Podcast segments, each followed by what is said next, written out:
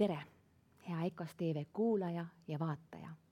tere tulemast tänasele otsesaatele. meie tänane teema on väga oluline teema. noorte vaimne tervis. kuidas meie noortel täna läheb? hiljuti teht-, hiljuti tehtud uuringud näitavad, et meie noorte vaimne tervis on läinud halvemaks mis see täpselt siis ikkagi endast kujutab ja kuidas me saame noorte tervist toetada, sellest kõigest me hakkamegi täna rääkima. aga kõigepealt veel, kuna tegemist on otsesaatega, siis sinu küsimused ja jagamised on väga oodatud. mida rohkem sa jagad, kaasa mõtled, seda rohkem taipamisi saavad ka teised, nii et ole julge ja aktiivne. ja saate lõpus me võtame ette su küsimused et me võtame neile aega ja vastame. ja saate lõpus osaleme, eh, on meil, toimub ka loos, et eh, loosime välja meie juhi uue nooreks toote kolmele osalejale. ja salvestuse saadame sulle ka lähima paari päeva jooksul, saadame sulle emailile salvestuse. ja enne veel, kui alustame saatega teeme väikese häälestuse, ja kohale tulemise häälestuse. et kutsun sind kaasa, kallis vaataja, ja kutsun ka saatekülalisi kaasa, et paneme korraks lihtsalt äh, kõik kõrvale oma peas, sulgeme silmad ja hingame sügavalt sisse ja välja. ja tuleme täielikult kohale jäta korraks kõrvale kõik see, mis on täna juba toimunud. ja kõik see, mis on veel ees. oled lihtsalt sina siin ja praegu. luba endale ruumi, uut ruumi, et saaks tulla info. mis looks sulle praegu väärtust ja toetaks sind. aitaks sul mõista paremini iseennast, oma last oma lähedasi. hingan korra sügavalt sisse ja välja veel kord. ja võid avada silmad. ja ma ütlen sulle uuesti tere. ja nüüd asumegi saate juurde. mina olen Kadri Pekko ja minu tänased saatekülalised on näitleja ja psühholoogiline nõustaja Rita Rätsep. tere! psühhoterapeut ja kunstnik Lemme Haldre. tere! tere! ja oma kogemust jagab meiega Lisanna Kadarik. tere! tere! aitäh, naised, et võtsite selle aja ja olete nõus jagama oma teadmisi, oma kogemust. alustuseks ma mõtlesin teie käest küsida, et kuidas üldse teie enda teismeiga oli? kas te mäletate veel, Lemme ähm,? ma arvan, et ta oli natukene teistmoodi kui tänapäeva teismelistel, aga omad niisugused maailmavalud äh, tuli ikkagi läbi elada. et äh, võib-olla mingit niisugust äärmuslikku protesti oli vähem kui paljudel nendel lastel, kes minu juurde satuvad aga, aga niisugust endasse süüvimist ja rahulolematust iseendaga ja seda oli. see käib ju teismelise eaga kokku mm. -hmm. aga Rita jaa, üht-teist ma ikka mäletan sellest ja, ja kui ma töötan äh, lastega, siis tulevad nii mõnedki enda mälestused meelde mm, -hmm. kuidas mina siis käitusin ja mul endal on kolm last, et siis paralleelselt ka nendega tuli ühte koma teist meelde, nii et äh, midagi ma nendest äh, aegadest muidugi mäletan ja, ja ilmselt võib-olla selliseid värvikamaid seiku või olulisemaid asju minu jaoks, et äh, kindlasti mitte kõike ja aeg oli ka ju oluliselt teistsugusem kui praegu ja infoväli oli teistsugune, aga ühte koma teist ikka mäletan küll ja Lisanna, kuidas sinul, sinu teismeiga mm,? muidugi ma mäletan Pole ju peaaegu väljaski mõned aastad on möödunud. oled üheksateistaastane? olen jah äh,, värske aga sukeldume nüüd siis noorte vaimse tervise juurde, et ähm, Rita, kuidas täna meie noortel läheb? No sa viitasid siin uuringutele, mis äh, viitavad sellele, et mitte just kõige paremini ja, ja üldiselt eks see on mingi äh, läbilõige praegusest ajast, et äh, noored on hästi tundlikud ja tundlikud muutustele ja, ja kui on ärevad ajad, siis noorte sees on ka seda ärevust rohkem. et mina paratamatult ju tegelen selliste noortega, kellel on probleemid mm -hmm. ja vanematega, kellel on mured oma teismeliste pärast. nii et äh, mina näen seda, seda poolt, kus äh, ei ole kõik kõige paremini. aga samas on ka kindlasti väga palju noori, kellel on kõik väga hästi ja väga tore, nii et, et ma usun, et äh, võib-olla kui me võtame selline sada, siis noh kuuskümmend on kehvasti, ma kardan mm -hmm. tänases et maailmas. ma kardan, et see kaalukauss on ikkagi natukene selle kehvema poole peal, et, et ka isegi need tublikesed, tublikesed, et, et ka nendel on päris keeruline selles maailmas, et mm -hmm. teismeline praeguses maailmas olla ilmselgelt ei ole kõige lihtsam mm. -hmm. Leemme, kas sa tahad enda poolt ka midagi lisada, kuidas meie noortel täna läheb? No muidugi ajakirjanduses ju kirjutatakse palju, et, et meie noortel on depressiooni rohkem ja mm. eneselõikamist ja suitsiidmõtteid. et ka noh, mitmed uuringud siiski toetavad äh, seda infot, et, et Tartu Ülikooliski on tehtud äh, koroonaaja alguses ja paar aastat hiljem uuring noorte vaimse tervise kohta, mis näitab, et depressiooni ja halba enesetunnet on rohkem aga eh, et noh, ma olen Ritaga selles suhtes nõus, et, et on neid noori, kellega on kõik korras ja eh, on ka selliseid olukordi, kus võib-olla vanemad muretsevad rohkem. see, et noortel on see maailmavalu -hmm. ja, ja, ja vanematest eraldumine ja natukene iseenda isoleerimist ja et see käib selle vanusega kokku, et see alati ei ole mingi patoloogia kohe mm. -hmm, mm -hmm aga Rita, milliste muredega praegu noored sinu poole kõige rohkem pöörduvad? noored ise, noored ise pöörduvad päris palju äh, selliste ärevustega.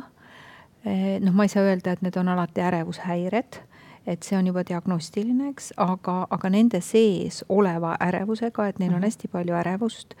Äh, neil on paanikahood, milledega nad ei tule toime. Äh, see võib juhtuda klassiruumis, see võib juhtuda bussis, see võib juhtuda kodus, see võib juhtuda kus iganes. Nad ei saa aru, mis nende sees toimub ja, ja see on tegelikult ka väga normaalne iseenesest, et, et see ongi selle protsessi üks osadest mm. -hmm aga, aga võib-olla kõik see mm, nii-öelda, äh, kõik, mis enda sees toimub, on niivõrd palju hirmutav.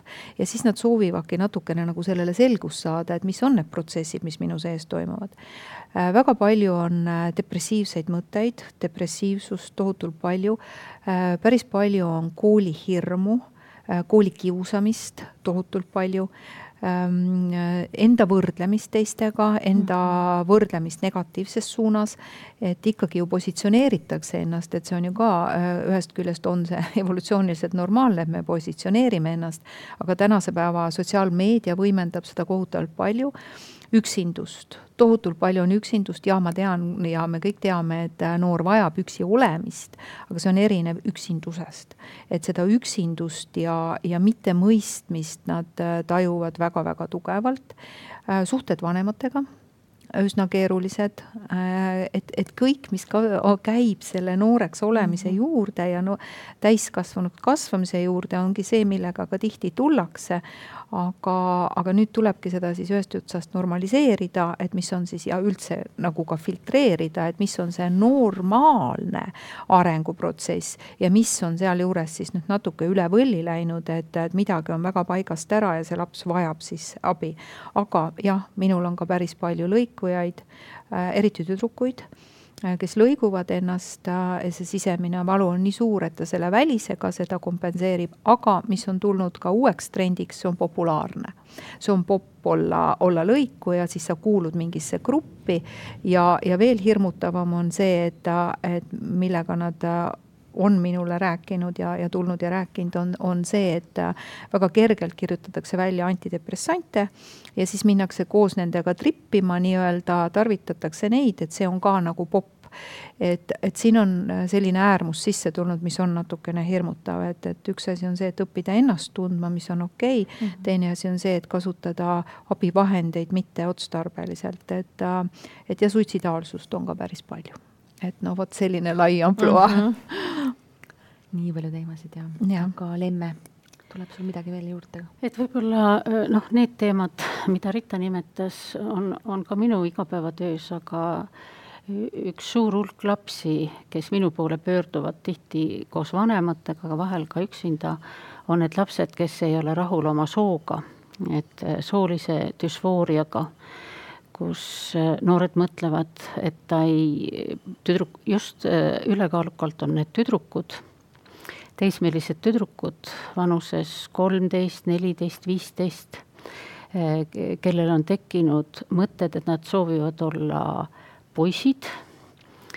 Ja äh, tihti eelneb sellele just ka rahulolematus iseendaga, ebameeldivad äh, kehatunded, äh, depressioon, ärevus ja noored hakkavad otsima sellele põhjust ja tihti läbi sotsiaalmeedia või sõprade jõutakse selleni, et kui ma tunnen ennast nii halvasti, järelikult ma olen Eh, vales, on mul vale sugu, ma peaksin seda mhm. sugu vahetama. et mõnel on sellised mõtted tekkinud alles pool aastat tagasi või aasta tagasi. et loomulikult ma ei eita seda, et ja et on inimesi, kes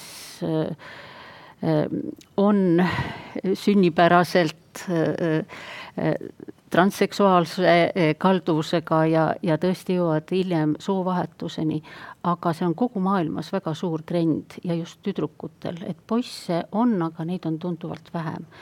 ja, ja praktiliselt äh, iga paari nädala tagant jõuab mõni selline noor vastuvõtule, et, et lisaks nendele teistele probleemidele. aga millest see siis tekkinud on, oskad sa kuidagi? Eh, no ma olen püüdnud selle kohta eh, natukene kirjandust uurida. Mm, ja kui me mõtleme nüüd, et eh, kunagi olid noored kümme, kakskümmend aastat tagasi, kes ka vajasid eristumist teistest noortest, et võib-olla nad proovisid seda väliselt teha, punkarid mhm. -huh. olla ja kõndisid ringi linnas, rohelised harjad peas. Et praegu me neid eriti ei näe et see on üks tendents, et kuuluda mingisse subkultuuri, eh, sest noored vajavad seda eh, kuhugi kuulumise tunnet. ja kui ma ei kuulu oma klassikaaslaste hulka, kui ma ei leia seda oma kohta, siis ma hakkan seda kohta otsima mm. -hmm. ja kui ma leian kas või netiavarustes eh, selle subkultuuri, siis see annab mulle parema enesetunde samuti on leitud, et tüdrukutel on kalduvus eh, rohkem nii-öelda rumineerida oma niisugusi eh, tundeid, nendest rohkem rääkida ja, ja tihti ka, kui grupis on üks või kaks sellist noort, siis nad eh, võimendavad seda teistega. et ähm, ma veel kord tahan öelda, et, et ma ei taha eitada seda, et osadel noortel on see tõeline see soodüsfooria, mis on väga varases eas alanud ja nad jõuavadki mingil hetkel eh, hormonaalse ravini ja, ja soovahetuseni, aga ma arvan, et enamik nendest, kes praegu käib mööda psühholooge, eh, on teised põhjused mm. -hmm. aga korraks veel selle teema juures mida sa täna soovitad äh, nendele vanematele, kes tulevad äh, sellesama teemaga? sellesama probleemiga, ma arvan, et vanematel äh, tuleks suhtuda sellesse rahulikult, igal juhul mitte vastanduda selle lapsega te,, teda ära kuulata, püüda mõista, et mille pärast tal see, on selline enesetunne tekkinud, kas seal on mingid muud põhjused, võib-olla et see laps saaks rääkida üks Norra psühholoog kirjutas hiljuti, et see on tänapäeval pigem üks normi variant, et see periood tuleb üle elada, see segadus oma, oma sooga ja et mõne aasta pärast eh, see läheb paika mm. -hmm. et äh, minul isiklikult on juba esimesed noored, kes olid paar päeva, paar aastat sellises suures vaevas oma soo pärast ja, ja kellel see on kõik paika loksunud mm. -hmm praegu, et, et ei ole enam selliseid mõtteid ja, ja segadust oma kehatunnetega mm. -hmm. Rita, kas sa tahad ka selle teema kohta midagi öelda? Jah, eks ma puutun ka sellega ju tegelikult kokku päris palju, et, et kus laps tuleb kabinetti ja, ja sa näed, et juba välimuse järgi sa tegelikult tunned need lapsed ära, et see riietusstiil, see juukselõikus, kõik see olek, sa saad juba aru ja siis ta, mina ütlen tere, mina olen Rita ja, ja siis ta ei ütle sulle oma nime.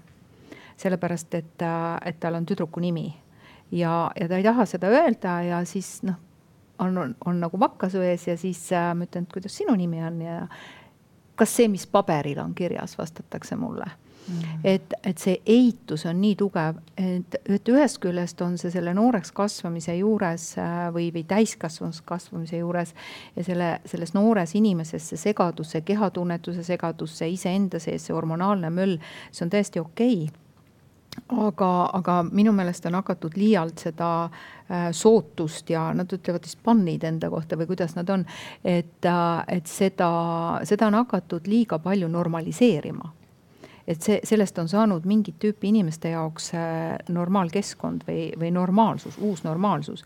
et see, mida Lemme ütles, et need saidid ja kõik need, eks ju, et, äh, et seal nad võimendavad seda üksteisega -hmm. nendest rääkides ja kõigest sellest, aga, aga keegi ei normaliseeri seda, et, et see kehatunnetus on tegelikult nooreks kasvamise juures väga normaalne.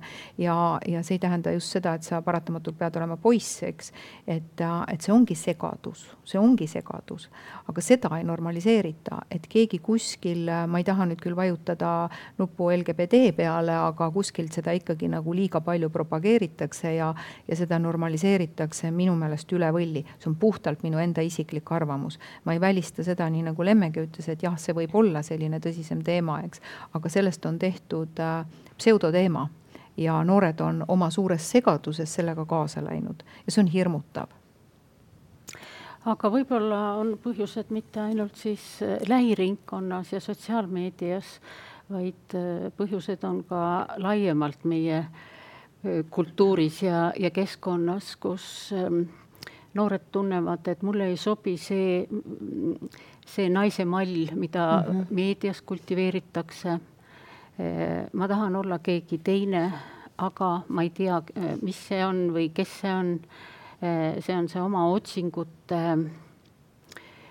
tee, et eh, ma siiski arvan, et kui vanemad tahavad toetada, siis nad võiksid olla ka lapsega kaasas, eh, püüda teda mõista, aga mitte jõuga vastanduda, et, et mul on olnud siis juhtumeid, kus vanemad keelavad ära sellised soengud, riietused et see ei tee head äh, nendele peresuhetele mm. -hmm. et iga vastandumine, see tekitab just vastupidi nagu ei mõju hästi, on ju. aga Liis-Anna, kuidas sinu teismeiga, nagu me enne ka korraks juba mainisime, möödus, et, et kas sa jagaksid enda kogemust, mida sina läbi tegid, mhm. kogesid mm? -hmm. see ei olnud midagi väga erinevat, ma arvan, kellestki teisest, see oligi segadus ma ei saanud aru, kuidas, kuidas ma ise toimin, milline on normaalne, milline mm, olemine, milline on äh, üle võlli. ja siis äh, just see, et, et ma pidasin ennast minu mõteteks ja emotsioonideks, eks ole. aga, ja need juhtisid mind. aga tegelikult äh, mul on need, mitte mina ei ole need. ja siis see oligi see segadus ja siis sealt tuleb see, et sa hakkad mingeid lahendusi otsima väljast. noh, ongi, kasvõi te rääkisite sellest soovahetusest, et sa arvad, et väliselt peab midagi muutuma, aga tegelikult äh, välised need muutused on ainult vahepeal mingid plaastrid või valuvaigistid, aga need ei ole nagu lahendused või kuidagi jaa. ja, ja mul oli hästi tugevalt see tunne, et kogu aeg midagi on puudu, isegi kui mul nii-öelda kõik oli olemas ja kõik oli seatud niimoodi, nagu mulle meeldis, siis äh, mingi asi oli puudu ja siis äh, kirjutasin sellest oma äh, ristiisale, kes oli mul kindlasti see üks inimene, kellele mina rääkisin, kelle ma leidsin. Ja ta vastas mulle ja tükk maad hiljem mul tuli taipamine selles osas, et, et mitte midagi ei olnud puudu, vaid mul oli üle see emotsioon, et, et mul on tunne, et mul on puudu. ja kui ma selle, sellega ka nagu toime tulin lõpuks või kuidagi selle ära vabastasin, siis, siis ma sain aru, et mul ei ole mitte midagi puudu ega üle ja et see keskkonnast ei tule kunagi see mingi lahendus või ja mõtted ja emotsioonid muutuvad pidevalt. ma ei saa nagu kinnitada või kuidagi neile kindlaks jääda või kuidagi oodata sealt mingit toetust, sest et nad kogu aeg muutuvad, siis ta on nii. sa ütlesid seda praegu väga ilusti, et kui sa seda kirjeldasid siis mul oli selline tunne, et nagu üks pusl oleks, pus-, puslemäng, kus üks mhm. tükk on puudus ja mm, -hmm. ja siis need noored otsivad, et kus on see mhm. tükk, mille ma saan sinna paika panna. et siis, siis ma tunnen ennast siis. nii ja, ja ma arvan, et see sooga seotud asi on ka natuke samasugune, et ma otsin seda tükki, mhm. mis annaks mulle selle tunde. jah.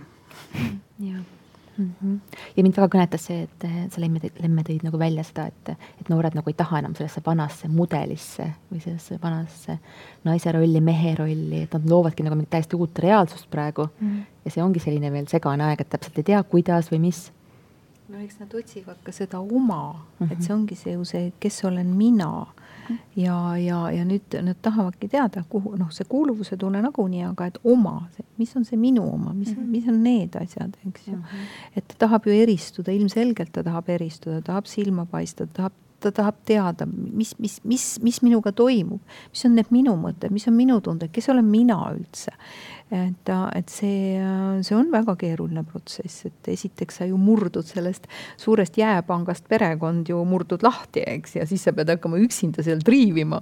aga kes ma olen, kuhu ma lähen mm? -hmm. et, et sellest kõigest aru saada, see ei ole lihtne ja eriti tänases maailmas, vanasti oli see kindlasti kordades lihtsam, sest piirid olid teistsugused.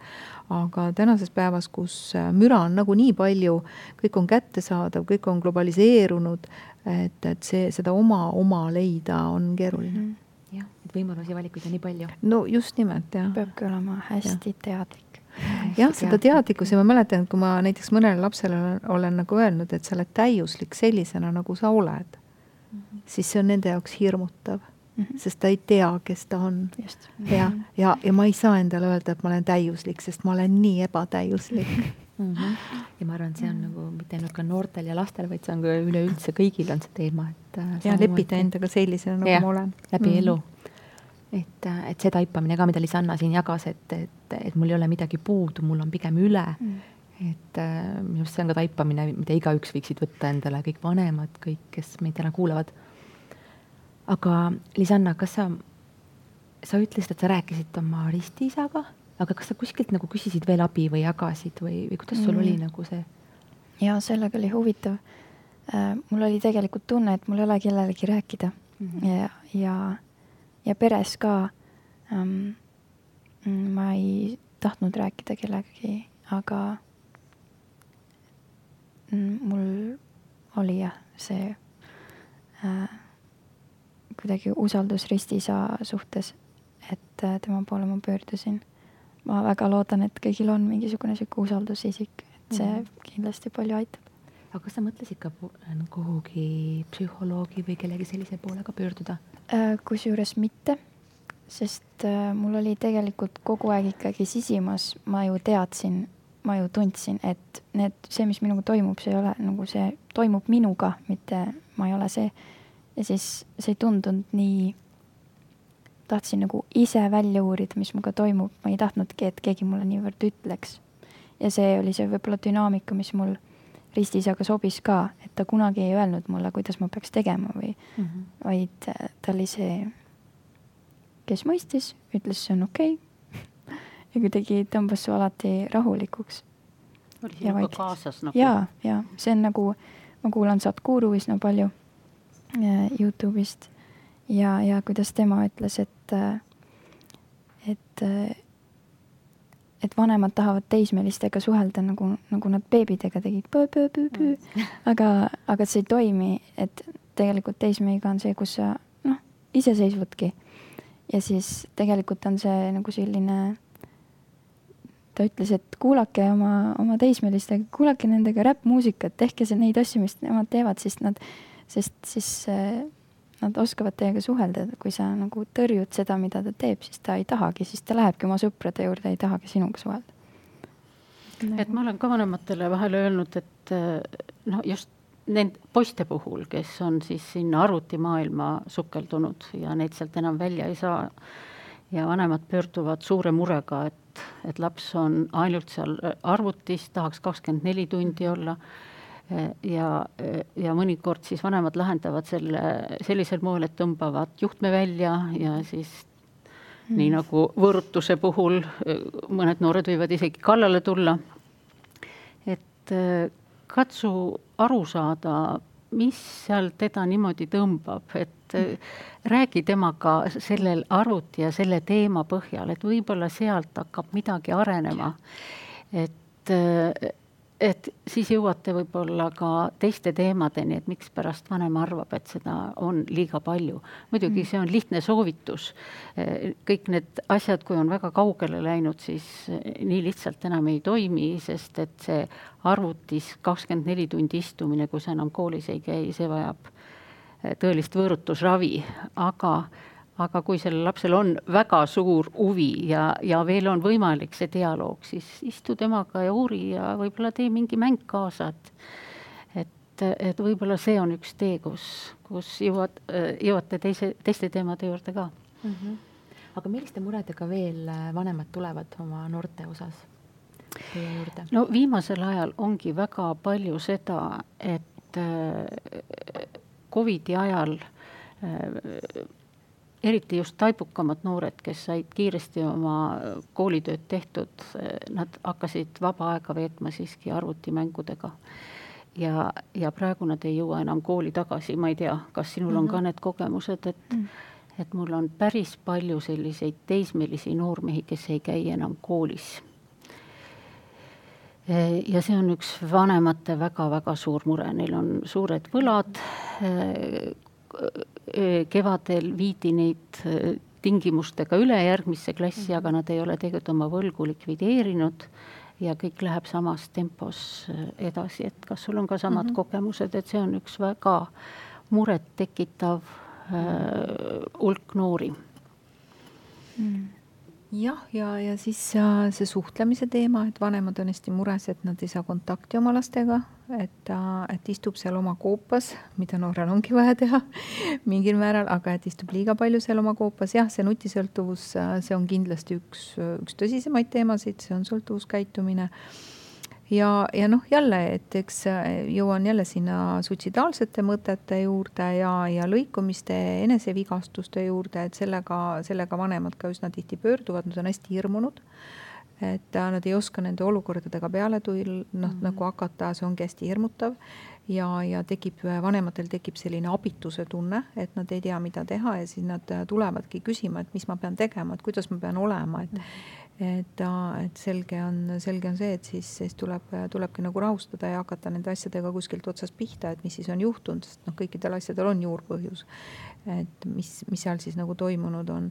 ja, ja muidugi see vanematele ka seda selgitustööd teha, et, et, et tõesti nii, nagu sa ütlesid, et, et vanem ei saa suhelda enam äh, lapsega selles lapse keeles, ninnu-nännu keeles, aga, aga vanema jaoks jääb laps alati lapseks mm. -hmm. ja, ja ta ei suuda nagu ennast ümber häälestada, et, et see on küll sinu laps, aga ta ei ole enam laps, ta on nagu sisenemas täiskasvanute maailma mm -hmm. ja, ja see täiskasvanute maailm, kuhu tema siseneb, ei ole see, kus sina kunagi olid mm. -hmm. et see on nagu totaalselt erinev maailm ja, ja selle mõistmiseks ongi vaja kuulata last ja, ja, ja lasta ennast kurssi viia. et kasvõi vaadata koos filme või vaadata koos neid arvutimänge või mingeid asja, et noh, näita mulle, et mina näiteks oma teismeliste laste pealt sain enda jaoks selliseid muusikalisi äh, kogemusi ja selliseid bände ja lauljaid, keda ma varem ei teadnud et mul olid teised ajad ja ma kuulasin teisi asju ja siis on nüüd huvitav oli ka vaadata, kuidas minu asjad jõudsid ka nagu nendeni, et uue ringiga. et, et, et see on äh, koos avastamine, koos kasvamine ja, ja just nimelt, et vanemaid see hirmutab, see lapse täiskasvanuks saamine aga mõtle, sa olid ise ka kunagi laps, olid täiska-, noh, nagu nii-öelda see väike täiskasvanu, see teismeline, nüüd sul on oma pere, oma lapsed, et sinu lastega juhtub sama asi. Et aga lihtsalt mine selle protsessiga kaasa, aga, aga see on selline üleminekuaeg ja see on selline kriis. Ja noh, kriisis kriivis on revolutsiooniline, eks ju, et mis on revolutsioon, vanamoodi enam ei saa, uutmoodi veel ei oska. Ja, ja see tekitabki hirmu ja, ja sealt tuleb ka vanemaid üle, üle aidata, sellest perioodist üle aidata ja normaliseerida ja, ja aidata neil mõista, et, et väga tore, et tehakse hästi palju koolitusi ja, ja kasvõi seesama siin, et me tõesti harime nii noori kui ka lapsi märkama, et mis on nagu normaalne ja, ja siis sellega toimetama normaalselt mm. -hmm.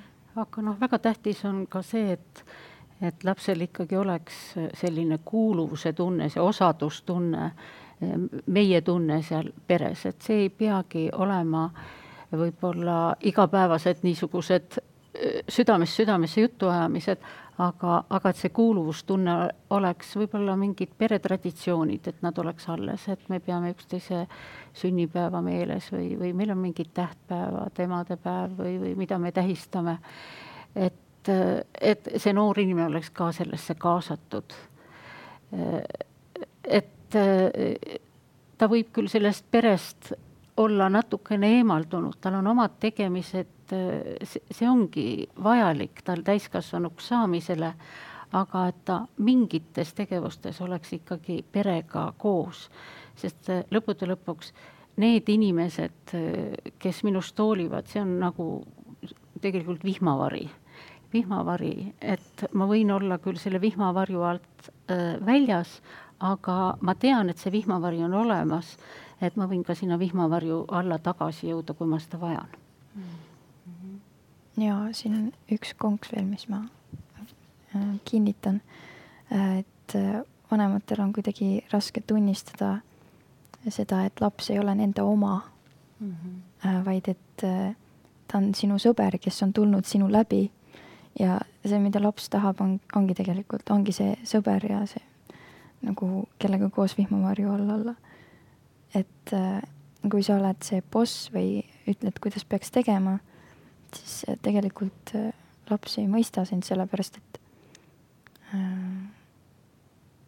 see kellelegi ei meeldi ju see, kui sa kama, kamandad või kuidagi ja see eelis, mis on vanematel sinu ees, ainuke asi on see, et nad on olnud siin natuke kauem ja neil on rohkem kogemusi mingite asjadega aga elust nad ei tea rohkem kui see väike laps. vaadake väikseid lapsi, nad teavad juba rohkem kui täiskasvanud. Mm -hmm. Nad teavadki teisi asju, sina ja, tead seda, mida sina oma elu jooksul teadsid, aga, aga noore maailmas on juba teised asjad mm. -hmm. et see ongi tegelikult see koos kulgemine ja koos avastamine. et, et seal ei saa olla autoritaarne ja mm -hmm. väga mhm. paljud on autoritaarsed lapsevanemad, et seal tuleks see versus autoriteetne lapsevanemlus nagu üles otsida, et või siis ka liiga hajusad sellised kasvatusstiilid ka ei tööta kaasa mm, -hmm. et, et siis, siis kaob see laps ka täiesti ära, et ja et see on kooskulgemine, et laps ei ole meie oma, ta on meie kaasteeline see on ilus mõte, kooskulgemine. aga kui nüüd minna nagu täiesti selle alguse juurde selles mõttes, et, et selline suur küsimus ja suur teema, et aga millest üldse need vaimse tervise probleemid noortel tekivad? et mis need sellised mingid põhilised märksõnad või kohad on? kas te oskate välja tuua, Lemme? No ma arvan, et see oleks liiga lihtsustatud ja liiga lineaarne, kui saaks mhm. öelda, et jah, sellest need tekivad. et põhjuseid on kindlasti ju mitmeid, et osa on kindlasti võib-olla isiksuse, temperamendi küsimused, mõned lapsed on rohkem haavatavad, tundlikumad, siis teised põhjused võivad olla äh, siiski seotud ka sellega, mis perekonnas toimub, see, millest me oleme siin ka äh, praegu rääkinud, võib-olla mm, lisaks veel perekonna lagunemised ja, ja konfliktid peres. Äh, ja, ja kolmandaks ikkagi siis see ring, mis toimub juba perekonnast kaugemal, seda, mida nad kogevad sõpradega, koolis, ühiskonnas laiemalt ja, ja mõned lapsed, kes on tundlikumad, haavatumad, inimene lõpuks otsib oma elus siiski parimat, seda, seda oma teed ja ta teeb need valikud sellisel viisil, mis temale tundub, et see mind praegusel hetkel aitab ja, aga mõnikord need valikud, mis ta teeb, ei ole need, mis teda aitavad. Kui ta tunneb, et kodus on lärm, konfliktid, inimesed ei saa omavahel läbi, siis ta teeb selle valiku, et ta on oma toas, sulgeb ukse, on arvutis ja käib öösel pesemas ja öösel söömas selleks, et äh, mitte teistega suhelda, see on, ta on teinud oma parima valiku kuigi meie näeme seda võib-olla teistpidi, et see teda eh, ei aita, vaid pigem tekitab uusi probleeme juurde. Eh, ja noh, me ei saa siiski ka välistada, kui me räägime noorukitest, kõike seda, mida nad kogevad sõpradega, väga palju on ka neid noori, kes, kellel on väga kõrge saavutusvajadus, mis võib olla ka perekonnast tulnud see latt on kogu aeg kõrgem perekonnas, nad on head õpilased, lisaks teevad muusikat, sporti, aga pidevalt on rahulolematus iseendaga ja et need mallid on ka tihti perest tulnud. Nad on kogu aeg, peavad kellegiga võistlema, teisi alla suruma ja lõpuks nad on üksinda, tunnevad, et neil ei ole sõpru et, et need põhjused võivad olla siis äh, väga erinevad, mõned elavad väljapoole, mõned sissepoole. Äh, kõike seda, mida nad kogevad, et need võivad olla lapsest endast, perekonnast, ühiskonnast laiemalt mm. -hmm. tahad sa midagi täiendada? Jaa, et võib-olla siia juurde veel natukene seda, et me tuleme kõik oma peremustritest ja, ja peremustritest siis üks aspekt on siis kasvatusstiilid, et millise kasvatusstiiliga see perekond on, kuidas ta lapsega suhtleb, kuidas ta toimetab, et meie teismelise siis ema-isa on tulnud omakorda oma perekonnast, oma ema-isa perekonnast ja, ja neid mustreid me siis kanname edasi, et ka need on väga tugevad mõjutajad nende igapäevaste suhtemustrite kujundamisel. ja, ja see noh, üks, üks selline, mida, mida noored ise on nagu välja toonud, on ka see, et nagu reaalselt neid ei kuulata ja nende jaoks ei ole ka aega. et, et see tõesti ei ole see, et ma nüüd kakskümmend neli seitse olen meelelahutaja lapse jaoks olnud väiksest peale, vaid et, et võib-olla mõned lapsed on siis kas liiga vatises kasvatud, liiga ära turvatud, mõned on lihtsalt lastud ise kulgeda ja pole nagu kohal oldud. et ema-isa on kogu aeg tööl ja ei ole aega nende laste jaoks ja tõesti, ma olen mõnikord küsinud vanemate käest, et miks te need lapsed saite et, et nagu päriselt. ja, ja, ja, ja siin, siin võib olla ka see, et see laps ongi jäänud kuidagi väga noh, oma pead selle kõikide oma nende teemadega ja ta ei ole kas harjunud jagama ja, ja ta ei ole saanud seda vanema peegeldust vastu sealt, et ta ei ole ka harjunud siis enda sees seda nagu mõtestama või mõtlema et, et võib-olla see suhtlemine, äh, siis suhtemustrid, suhtlemine, kasvatusstiilid on ka viinud siis selleni, kus me siis täna oleme. sest kõikides olukordades, mis ükskõik missuguse inimesega, on see teismeline laps, teismeline täiskasvanu, kõigis selles on ju mingi juurpõhjus, see ei ole ju see, et täna põmdi on ta nüüd selles asjas. et sellele on ju pikalt midagi eelnenud. aga me lihtsalt ei ole märganud seda, sest me oleme, see on meie normaalsus, me oleme selle sees olnud ja see on step by step niimoodi välja kasvanud ja siis järsku vaatame, et oi issand jumal, meil on nagu mure majas, eks. et noh, hea, kui märkame. aga, aga siis tulebki alati nagu tagasi minna ja vaadata alati per case, per juhtum, et kustkohast see asi on nagu alguse saanud, sest et et kõikidel asjadel on põhjus, absoluutselt ükski asi ei ole lihtsalt iseenesest tulnud, päris nii ei ole mm. -hmm. aga Liis-Anna, kas, kuidas sinul on, et kas sa nagu märkasid ka enda puhul, et mis sul võis tekitada seda aega, kus natuke raskem on? Äh, mu elutempo oli hästi kiire ähm,, hästi sisustatud ja ma tundsin, mul ei ole oma aega äh,. ja kus, kus olekski oma ruum ja niimoodi aeg maha võtta ähm,. nüüdseks ma tunnen, et kogu aeg ongi minu aeg kõik, mis minuga juhtub, on ju ainukordne ja see on ju ainult minul. et äh, mul on kogu aeg oma aeg, aga siis oligi see, et olid need segavad äh, mõtted ja emotsioonid, mis on tegelikult mm, nagu energia väljavoolu torukesed, kui sa ei oska neid kuskile suunata nagu teadlikult. ja siis oligi, energia oli kogu aeg otsas, oli tunne, et tahaks üksi olla, tahaks oma aega, seda ei ole, siis kogu aeg oli nagu justkui väljapoole elamine, seda, jah. see oli see vajak ka mm. -hmm. aga mul tuleb nagu selline küsimus ka, et ähm, kuidas üldse psühholoogide juurde pöördumine on, et kas see tuleb äh, valdavalt vanemate poolt või noored ise ka tunnevad, et nad tahaksid? et Rita, sina oled ka tegelikult ju koolipsühholoog olnud. Et kas see, et kuidas see protsess nagu käib välja?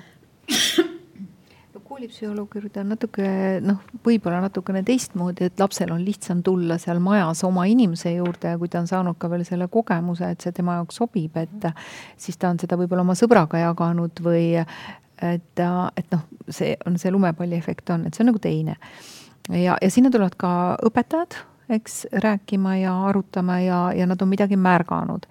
et ja, ja lapsevanemad ise ka, et see, see, see on nagu teine teema, aga kui ma täna, kes ma ei ole enam koolipsühholoog, siis et, et ähm, noh, eks valdavalt võib-olla jah, tulevad vanemad, aga tegelikkuses tulevad ka, tulevad ka lapsed ise ja, ja sellised huvitavaid kogemusi on, kus näiteks lapsed on näinud mingit videot kuskilt Youtube'ist, kus ma olen rääkinud ja, ja, ja siinsamas stuudios on salvestatud üks video, äh, kus äh, me rääkisime koolikiusamisest.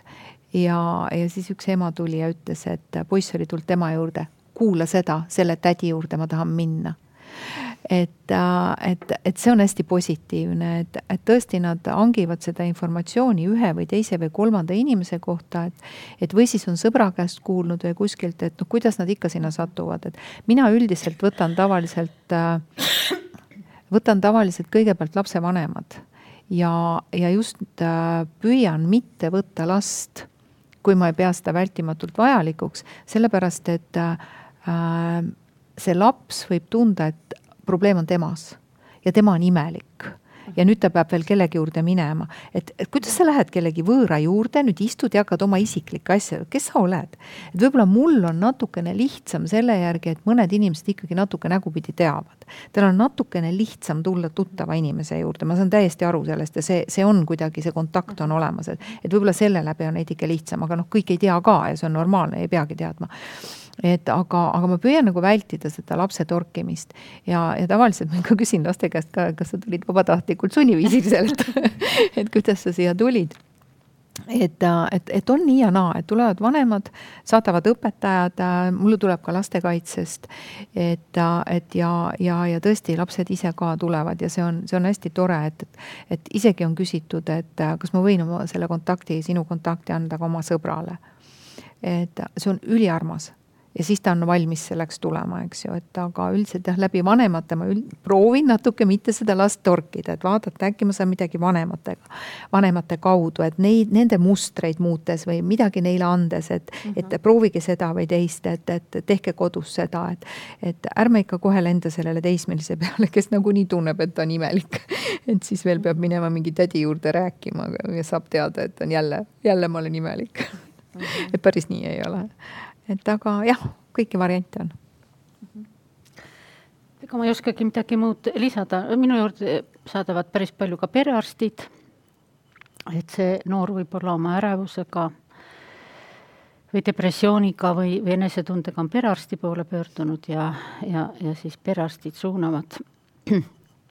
aga ma üldiselt äh, katsun ikkagi vanemad ka alati ära kuulata, et äh, et on alati üks pool ja teine pool ja võib-olla vähemalt, vähemalt üks kohtumine ikkagi teha need kaks koos. ja et ma püüan ka vanemat tagasi hoida, kui ta hakkab seda noort süüdistama, et ma alati küsin, et, et mis on see, millega te rahul olete või mis, mis on tore või et ma tahan seda poolt ka alati kuulda. et kui me praegu selle, mille, mida te kaebate, paneme hetkeks kõrvale ja äh, aga kõike muud ma tahaks kuulata sellest noorest inimesest, et äh, mõnikord on see noorele ka väga silmi avavam ja, ja et äh, ema või isa näeb temast selliseid toredaid asju ka, mida ta igapäevaselt pole öelnud. -hmm. et see tihti on üks samm, mis natukene juba parandab neid suhteid, et, et hoida nagu sellist joont ka mm. -hmm. Aga mis on need ohumärgid, mida vanemad võiksid märg- äh,, märgata, et millal laps vajab toetust, abi Mm, kui laps ei ole õnnelik või ta ei tantsi enam või ta ei, see on väga piisav juba. kui ta tunneb, et tal on raske, see see ongi see, et noh, et see on normaalne, et sa niimoodi tunned, aga see ei ole normaalne, et sa jätad ja jääd sinna mm. -hmm. et sa jääd, et nagu, et, et see jääbki nii mm. -hmm mm,. siis jah. et see ei ole normaalsus, et ei pea halb olema? et üks uuring, välismaine uuring näitas ka seda, et tegelikult äh, inimese üheks niisuguseks depressiooni põhjuseks ei ole mitte see, et tal oleks elus olnud palju halbu sündmusi, vaid see, et rõõmud on kuhugi ära kadunud, et positiivseid asju on vähe olnud. ja äh, see teooria toetab seda, et et tuleb uuesti tuua need positiivsed asjad ellu tagasi, et oleks see balanss, et läbi selle, sellest depressioonist või halvast olukorrast välja tulla. Et see on nagu hästi oluline, et, et, et see, mida inimene teeb, et ta ka tunneks sellest rõõmu ja naudiks seda, et, et seda balanssi uuesti tõsta et alati me ei saa neid äh, halbu sündmusi ära võtta, mis on inimese elus juhtunud, aga mm, -hmm. aga kuidas seda teist poolt suurendada. et igas inimeses on ka sisemised ressursid, et need võivad olla äh, iga inimese jaoks erinevad, mis teda aitavad, et, et mõned asjad on lihtsalt ära kadunud või ära ununenud, et need on elus aidanud. jah, et mitte kadunud või ununenud. jah jah, selle noore inimese loogika, mõtteloogika on teistsugune kui täiskasvanud inimese loogika selles mõttes, ajaperspektiivi mõttes, et kui talle, tal on olukord, äh, mis on tema jaoks raske, siis ta tunneb seda, et see ei lõpe mitte kunagi ära. Et nüüd mhm. jääbki niimoodi ja ongi elu läbi, kõik finito, eks ju. et, et tema jaoks on see loogika, aga nüüd, äh, mida märgata, on see, et lapsevanem või õpetaja või kes iganes temaga kokku puutub tihedamalt, eh, jälgiks teda, et see, kas on ühekordne selline emotsionaalne purse mingisuguse väsimuse pealt, mingisuguse asja pealt ja nii edasi, et kui selline olek kestab vähemalt kaks nädalat, et kui sa, kui sa näed, et laps vähemalt kaks nädalat käitub tavapärasest teistmoodi, et see võib olla see kurvameelsus äh, mingite äh, üritustest, mitte, mida ta on tavapäraselt teinud ja ta ei tee seda enam. ta võib ka muutuda ülieksalteerituks üliaktiivseks, ka see näitab, et, et see tegevus näitab, et lapse sees on emotsionaalsel tasandil midagi muutunud ta käitub teistmoodi. et võib-olla lapsevanematele jah, et selline märksõna, et hakata, mitte nüüd kohe niimoodi käia ja jälgida, eks ju, aga lihtsalt märgata ja panna tähele, et, et ma olen tõesti pannud tähele, et ta viimasel ajal on nii. ja siis mõelda, et oota, kui kaua see on kestnud mm. -hmm. ja, ja kui see on tõesti juba mõnda aega kestnud, siis see on see koht, mida tuleks nagu märgata. noh, ma lihtsalt pakun välja ühe variandina veel, et mida, mida nagu märgata.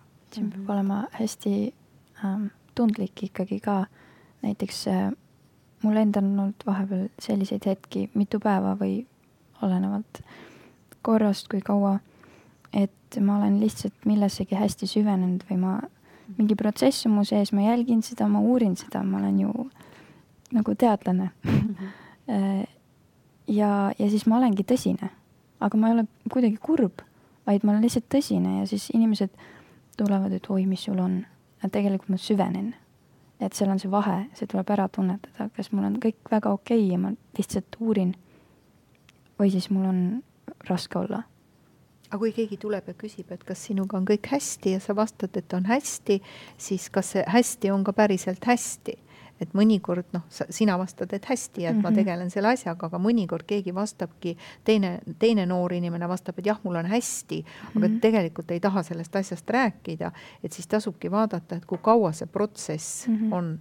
aga vähemalt äh, ma saan alati talle märku anda lapsele, et, et ma küsisin su käest, kas sul on kõik mhm. hästi ja annan ka teada, et, et kui midagi on, siis äh, ma olen alati olemas tahad sa sellest rääkida, et mm, -hmm. et kui midagi on. ma, ma ei, ründa sealt uksest sisse mm, -hmm. ei löö seda jalaga lahti, ma koputan ja kui mul lubatakse sisse tulla, siis ma tulen sisse mm. -hmm. nii füüsilisel tasandil teismelise jaoks kui ka selles emotsionaalses tasandis mm. -hmm. et austad seda nende ruumi? no igal juhul, igal juhul ma pean luba küsima mm. -hmm. aga noh, teine asi on see, et vanemad ju märkavad, kui laps lõigub ennast mm, -hmm. kui ta ei käi koolis, ta noh, tihti tullakse, et asjad on juba väga kaugele läinud. et ei ole probleeme eh, vanematel märkamisega, kui, kui need asjad on tõsised.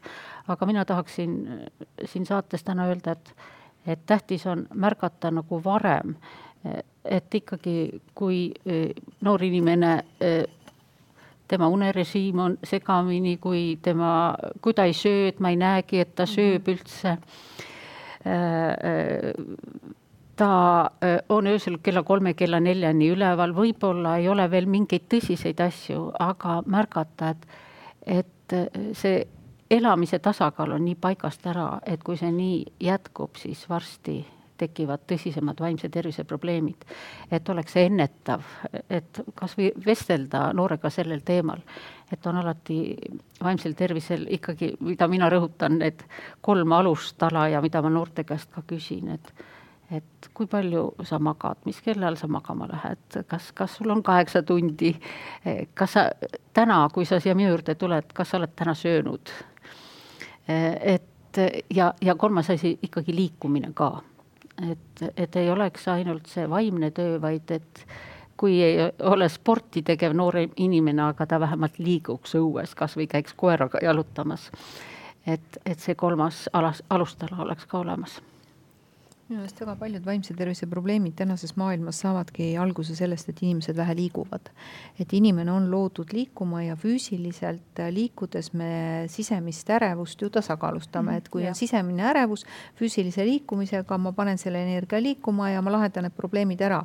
et vanasti käidi mammutit kütimas või puid rõhkumas või mida iganes, eks, siis tänasel päeval seda füüsilist liikumist ei ole ja kõik need pinged jäävad kehasse kinni. ja noh, seesama pingutus, lõdvestus, et kui sul on piisavalt pingutus, pingutanud juba seal ja ei järgne sellele lõdvestust ehk und ja kõike seda. et need on need asjad, mida tuleks lapsevanemal küll suunata ja, ja julgeda olla ebapopulaarne ja pannagi need piirangud peale.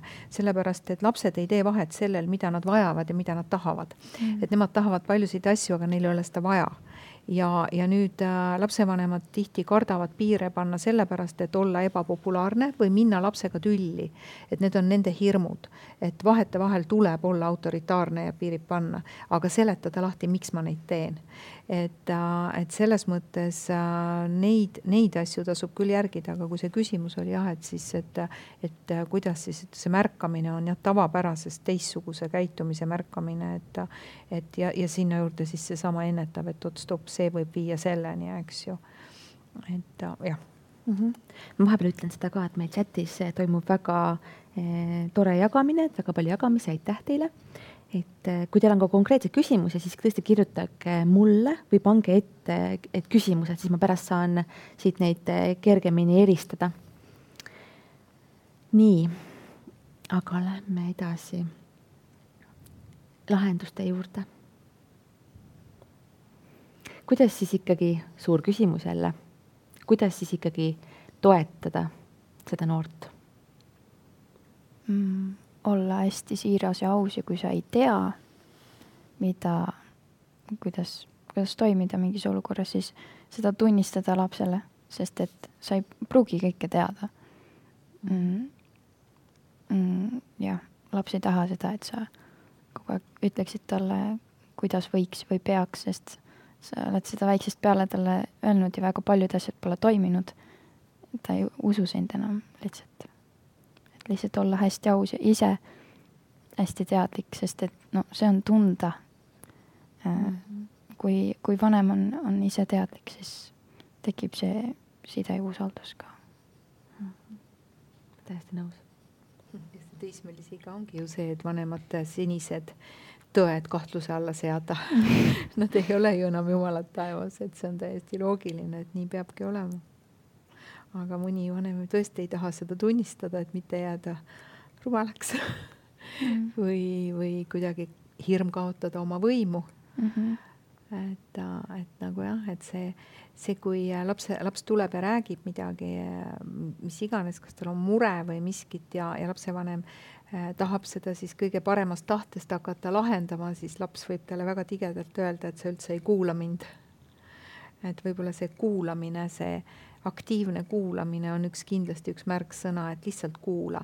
Ja, ja mulle endale nagu hästi meeldib see hiinlaste selline märk, äh, mis sümboliseerib kuulamist, see koosneb kolmest osast, äh, seal on kõrv, äh, silmad ja süda. Ehk ma kuulen, mis sa räägid, ma näen sind ja see, mis sa mulle räägid, on ka mulle oluline.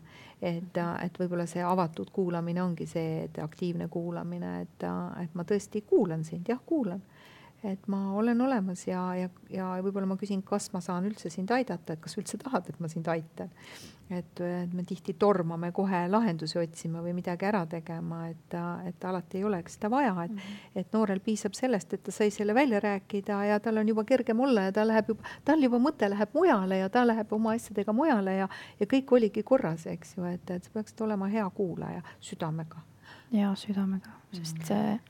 Siis muidu võivad jääda sõnad nagu kuidagi barjääriks ka, mhm. sest et kellegi teised sõnad on seotud nende enda kogemuste ja asjadega, ta teeb sellest oma loo ja siis äh, tegelikult ei saa aru, mida sina mulle rääkisid. Mhm. ja siis ongi, sa ei kuula mind, ajad mingit oma asja siin.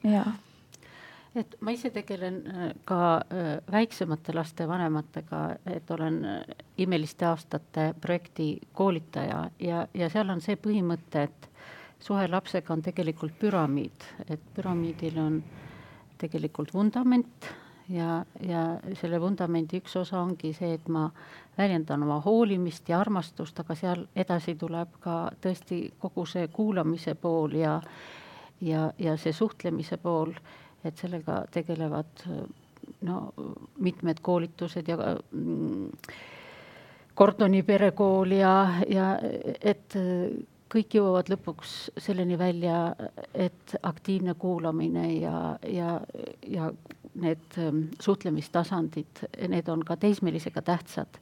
et tegelikult, kui me näeme neid teismelise probleeme ja kogu see vundament on alt ära, siis me ei saa, et ühtegi maja ei saa niimoodi ehitada, et ma ehitan ainult selle ülemise korruse ja alumist ei ole, et et sellepärast on see pool tõesti väga tähtis. Et ka see alumine äh, vundament ja esimesed korrused oleks olemas mm. -hmm. aga kuidas seda ausat ja avatud südamega kuulamist võiks siis praktiseerima hakata? lihtsalt kuula. lihtsalt kuula. lihtsalt kuula. ära vaidle vastu, ära ütle niimoodi, ma saan aru, aga. jah, ja ära pane tarka, et minul oli nii, eks ju. et äh, lihtsalt kuula mõnikord on see, et, et ma lihtsalt olen ja lihtsalt kuulan ja sa ei pea mitte midagi ütlema mm. -hmm. ei peagi kunagi oli mul üks ema, kes ütles äh, oma pojaga suhtlemise kohta väga hea retsepti, see oli aastaid tagasi, sellepärast ma võin jagada, see ema ütles, et ta ei taha minuga rääkida oma kooli ega mingitest asjadest, kui ma küsin, kuidas läks, ta ütleb hästi, aga et tegelikult ma ei tea midagi. aga kui ma mõnikord võtan triikimislaua ja hakkan pesu triikima, siis ta tuleb ise sinna triikimislaua juurde, seisab, hoiab ühe käega triikimislauast kinni ja hakkab oma asju rääkima siis ma ei tohi mitte midagi eh, vahele öelda, et ma triigin ja on noogutan, ütlen -hmm, ahah ja ütles, et siis ta võib pool tundi järjest rääkida. ja no praegu mulle tuli see näide meelde mm. -hmm. et anna talle võimalus ennast väljendada mm. -hmm. Tark poiss teab, et ema triigib ja siis ta ei sega vahele. aga kuidas seda ruumi siis ikkagi luua? äkki te oskate ikkagi mingeid nõuandeid veel anda meil siin kuulajatele? et seda nagu ja ma mõtlen seda, seda südamega avatud ruumi, et, et, et nagu praegu Lemme just rääkis, et see nagu kuidagi see nagu tekib niimoodi, et see, sa ei saa seda nii-öelda sundida, et nüüd hakkame rääkima. Noh, kui noor ise tuleb, see on üks asi, et kui ta tõesti tuleb, siis ära sellel hetkel hakka lahendama kõiki probleeme, mis on siin kahe nädala või kolme nädala või kolme kuu jooksul kogunenud. kuule ainult seda, seda, mis sellel hetkel on, et ta ja täpselt nii kaua, kui tema tahab mm. -hmm. et ta, et noh, ikka sa pead olema kättesaadav äh, lapsele siis, kui tal on seda vaja, mitte siis, kui sul on aega ja, ja, ja kui sa istud ise seal nutitelefonis või ekraanis kuskil ja ainult mhmh ja ahah ja poole kõrvaga äh, kuuled ja, ja poole silmaga oled kuskil ekraanis, siis äh, ta ei tule enam. ta lihtsalt ei tule enam. et, äh, et see on see, et, et ma, ma tõesti olen kõrvade, silmade ja südamega kohal, see ongi see ruum. et, et, et unusta ära kõik, mis sa sellel hetkel tegid või sul on see hästi oluline tegemine et, et siis ütle, et, et ma kohe selle lõpetan ja olen kohe su jaoks olemas. Ja ära otsi siis uusi tegevusi või ära, ära unusta seda ära, vaid tõepoolest ongi ausalt, et mul läheb kaks minutit selle asja, ma teen praegu pangaülekannet, ma ei saa seda pooleli jätta, eks ju. mõnikord saab. Et, et pane kindlaks endale, et kas see on see asi, mida sa poole, pooleli sa jätta, et, et, et teismelisega on natuke teistsugune suhtlemine, kui on äh, väikse lapsega. väiksele lapsele me õpetame neid piire, et emme lõpetab selle töö ära ja siis ta on sinu jaoks olemas et mitte, et mul kohe kõik asjad kukuvad käest ära ja ma teen ainult seda, mida väike laps tahab. teismelisega on natuke teistmoodi, et see, kui tema juba tuleb, siis on see teine asi. ja see, et kui ta räägib sulle ühest probleemist, siis tal ongi ainult see üks probleem, sest et kõik asjad äh, emotsionaalsel tasandil kõik tekib sellest energiast, mis on praegu. see ei ole mingisugune asi, mis mul oli kolm aastat tagasi, vaid see on mul hetkel. ja see ongi kogu minu asi praegu. et äh, mingit tulevikku ja minevikku selles mõttes tegelikult ei olegi, kogu aeg on ju praegu mm. -hmm. no ja ikkagi ma jään selle juurde, et, et mingid pere ühistegevused või mm, -hmm. või mingitele asjadele kaasamine, et kui äh, ma ütlen talle, et kuule, istume nüüd ja see on nagu Juku anekdoodis, kus isa ütleb pojale, et sauna laval, et nüüd räägime sinuga tõsistest asjadest ja poiss küsib, et millest sa kuulda tahad. Äh, seal oli küll see seksinali, et, et, et poi-, isa ütleb, et hakkame seksist rääkima, oled juba piisavalt suur mees ja, ja poiss ütleb, et mis sa kuulda tahad et äh, nii äh, päris ei saa, aga, aga, aga läbi, et ikkagi, kui õnnestub seda noort inimest kaasata mingitesse tegevustesse, mis äh, temale ka huvi pakub, et et me lähme jalgratastega sõitma või, või mingeid selliseid asju tegema. Ja, ja samuti, et noor oleks kaasatud võib-olla mingitesse pere äh, aruteludesse et, et istume kokku ja et seal on ka võib-olla see seitsmeaastane, et arutame, mida me puhkuse ajal teeme, et igaüks saab oma mõtte välja öelda, ükskõik kui vanematele tundub, et ähm, see on absurdne, et me ei saa praegu seda lubada või seda lubada, aga, aga me kuulame kõik ära ja siis arutame need plussid ja miinused. et see teismeline tunneb, et ta on ka juba suur, keda kuulatakse, kelle arvamus on tähtis. et see ja, ja seesama, mida ma juba ennem ütlesin, et, et peres oleksid mingid traditsioonid, et ta tunneks seda kuuluvust mm. -hmm. Ma... ja, ja loomulikult noored ei taha ka seda, et, et nende sõpru kritiseeritakse, et vanemale võib vahel tunduda mm, -hmm. et see sõber ei ole sobilik või tal on halb mõju, aga aga midagi on, mida see noor siiski just tolle inimesega koos kogeb ja, ja temaga tahab koos olla. ma tahtsin seda öelda, et, et kus see ruum võib-olla loomulikult tekib ka, on, on kindlasti nagu looduslikus keskkonnas. käia koos näiteks perega või äh, looduses ja, ja loodus õpetab tegelikult need primaarsed asjad nii ilusti toob välja, kui sa süvened ja kui sa oled seal jälgid, oled tähelepanelik. et äh, siis ei olekski vaja midagi sõnaliselt tegelikult edasi anda, need mustrid on kõik samad ja see, et noh, inimene ongi ju, ma olengi ju loodus, ma, ma olengi ju täpselt needsamad süsteemid ja mustrid ja struktuurid. siin ei ole mingit vahet, et, et kui, kui me oleme looduslikus keskkonnas, siis ma arvan, see ruum tekib nagu loomulikult juba lastevanematele võib-olla üks see, et, et kui sa paned mingid hästi suured programmid kokku, mida sa kõiki tahaks lastega teha ja neid hirmsasti sinna kaasata, aga see ei ole see, mis lapsele huvi pakub. et mm. pigem võib-olla küsida selle noore käest, et mis filmi sa tahad vaadata, ei, seda ei lähe küll vaatama, eks ju, et see on noh, see, see, mis sa siis küsid. aga, aga just nimelt, äh, et noh, võib-olla sulle pakub see huvi, aga lapsele ei paku, et tee kindlaks, mis talle huvi pakub mm, -hmm. et las ta ise ütleb, et, et kuidas ta tahab tulla, et, et noh, et mm -hmm et näiteks mul just üks teismeline poiss just ütles, et jaa, ma olen nõus oma vanematega spaasse minema, aga ma tahaks sõbra kaasa võtta. ma ei taha ainult nendega minna jumala pärast, tehke sedasi siis seda asja, et küsi lapse käest, et ta ise pakub ju välja, et mida ta vaadata, kuhu ta tahab minna, eks ju. et äh, Rammsteini kontsert oli ju täis teismelisi ja nende emmesid, isisid, eks. ma arvan, et see oli üks väga tore üritus, pereüritus, et, äh, et võib-olla seal pooled nendest emmedest, issidest ei olnud üldse sellest Rammsteinist nagu vaimustatud, aga, aga noh, läksid, vaatasid ära, eks ju, ja, ja laps oli jumala õnnelik, eks. et, et, et, et see kokkupuutepunkt äh, peab tulema mõlemalt poolt, et kui me väikeste laste puhul plaanime pereüritusi ja ütleme, kuhu laps tuleb ja ta tuleb meiega kaasa, siis teismelise puhul see enam ei päde.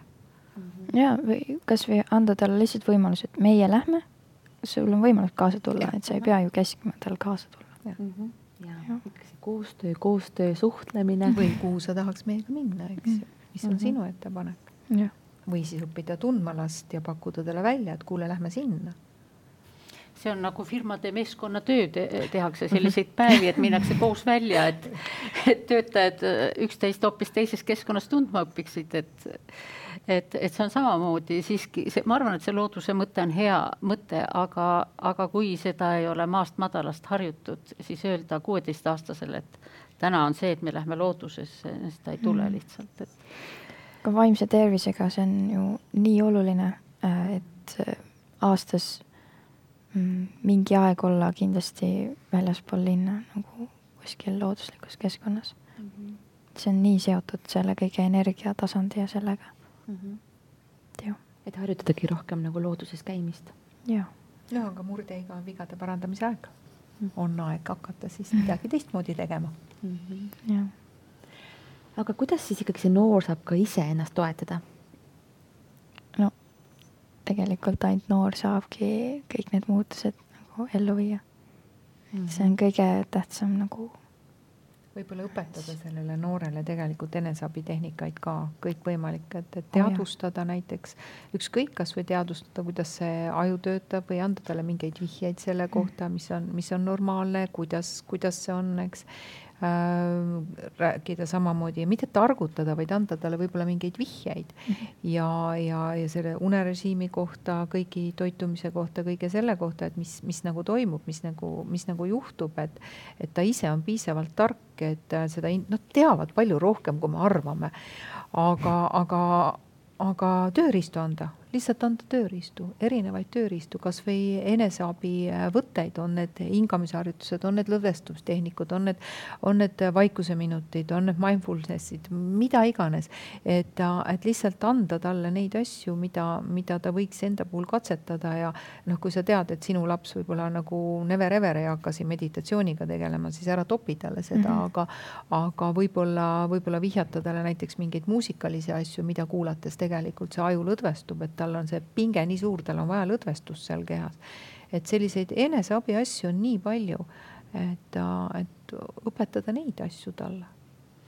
ja noh, tegelikult on ka, kui on palju selliseid äppe, mis on mõeldud ju noorte jaoks mm. -hmm. seesama teadveloleku äpp, kus on mitmeid harjutusi, mida noor võib ise proovida mm, -hmm. praktiseerida aga ka on mitmeid äh, siis noortele mõeldud portaale, no kõige üks kuulsam on ju see Peaasi, kuhu noored ise saavad pöörduda ja, ja saavad seal konsultatsioone ja seal on äh, materjale, et äh, ja, ja noored ju ka loevad ja uurivad ka võõrkeelseid materjale, et, et inglise keel on meie noortel väga suus et neid võimalusi tegelikult on olemas, et äh, vanem saab äh, lihtsalt teha ettepanekut, et sa võiksid uurida, kuidas neid asju lahendatakse.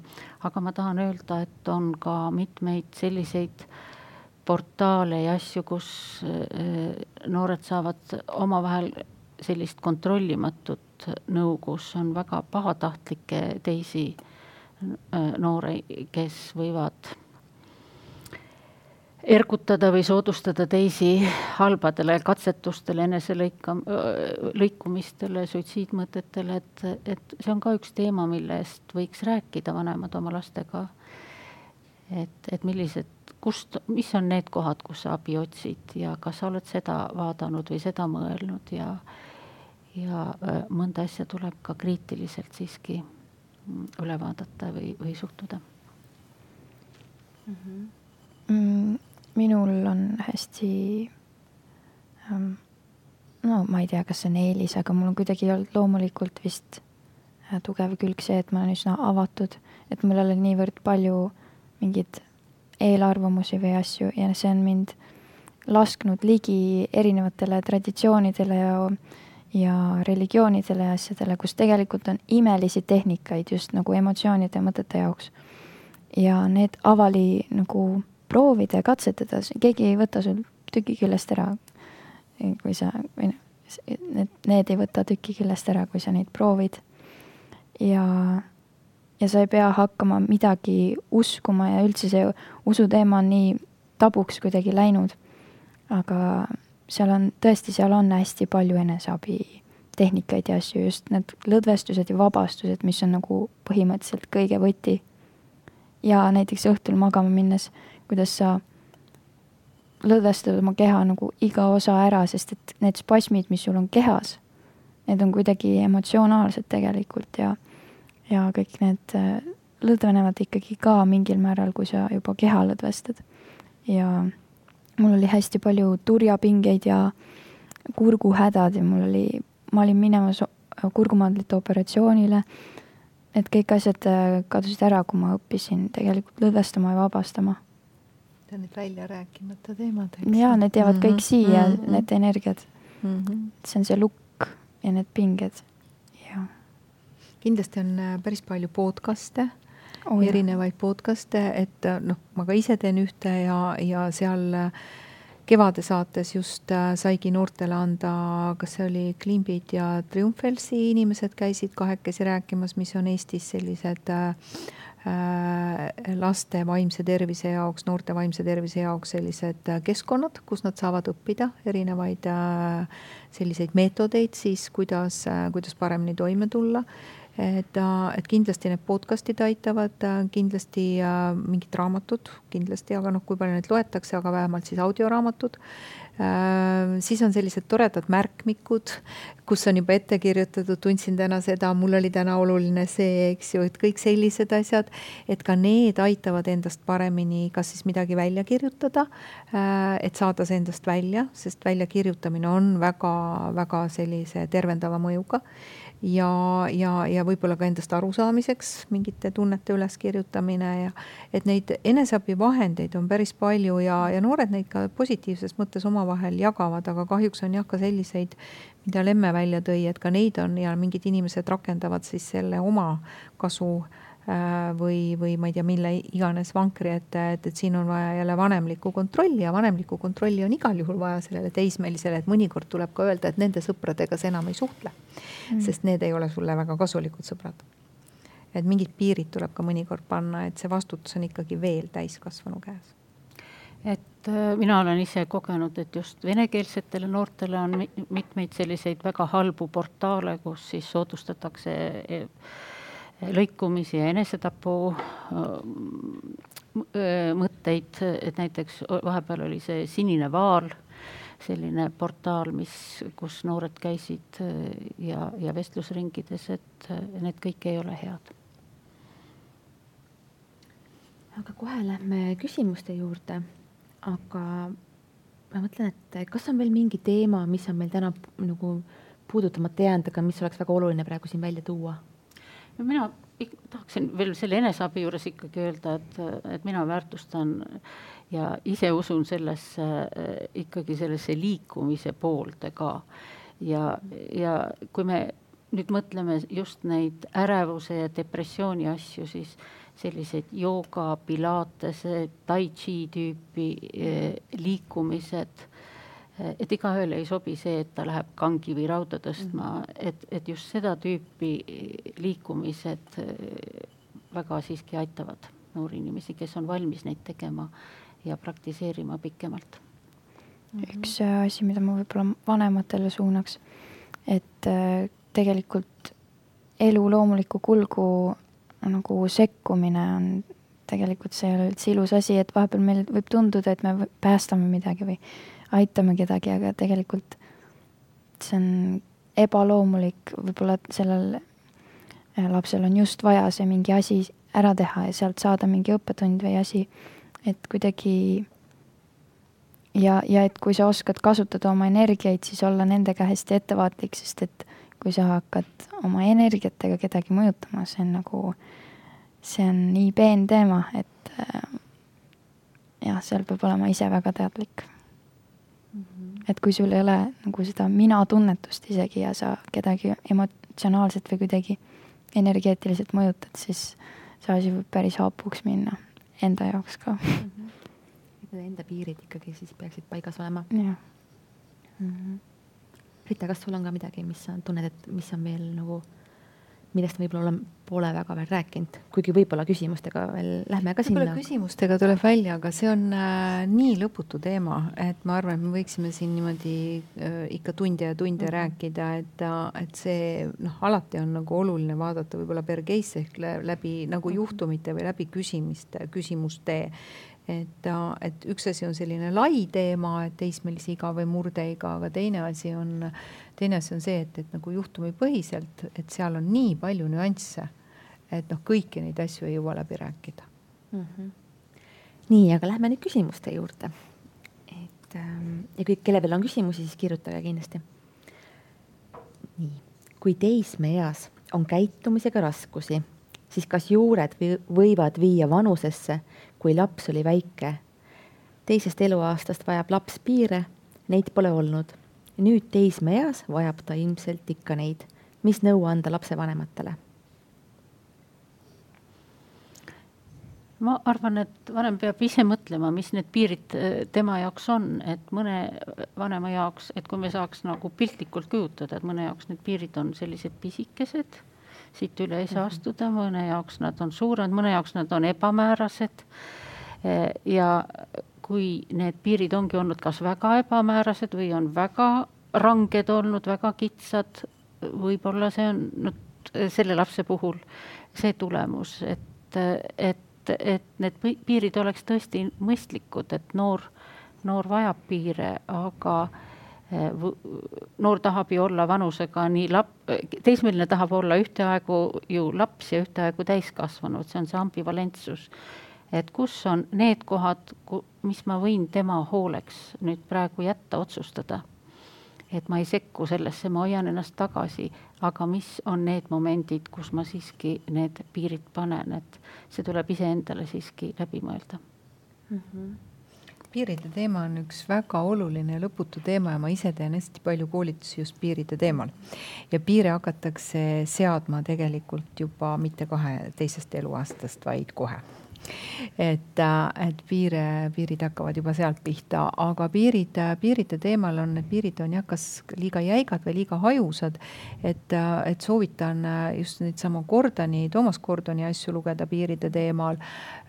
Siis Jesper Juuli Minu piirid, sinu piirid ja kõik sellised asjad, et kui sellele lapsele ei ole pandud, noh, see küsimus ei ole pandud piire, need piirid on olnud liiga hajusad, siis laps tunneb ennast ära kaduvana ja ta tunneb tegelikkuses ka, et lapsevanemad ei armasta teda. et sellised head korralikud piirid on nagu turvavöö mis annab lapsele teatud turvalisuse tunde, et ta, et ta tunneb, et temast, et, et ta ei kao ära selles. ja nüüd, mida laps kasvab suuremaks, seda, seda laiemaks need piirid ju lähevad iseenesest vastavalt lapse kasvamisega. aga kui neid ei ole üldse kunagi pandud, siis noh, see, see vaene laps on ju õhus kogu aeg. ta ei tunnegi, tunnegi ennast, et ja, ja just üks asi, mida ta ei tunne, on see, et teda ei armastata et ta tunneb nagu armastuse puudust, et, et võib-olla siin tuleks natuke ennast piiride teemal harida, selle kohta on päris palju äh, loenguid, koolitusi, webinare, tasub nad sealt välja hankida ja vaadata ja, ja, ja teismelise iga on äh, vigade parandamise aeg.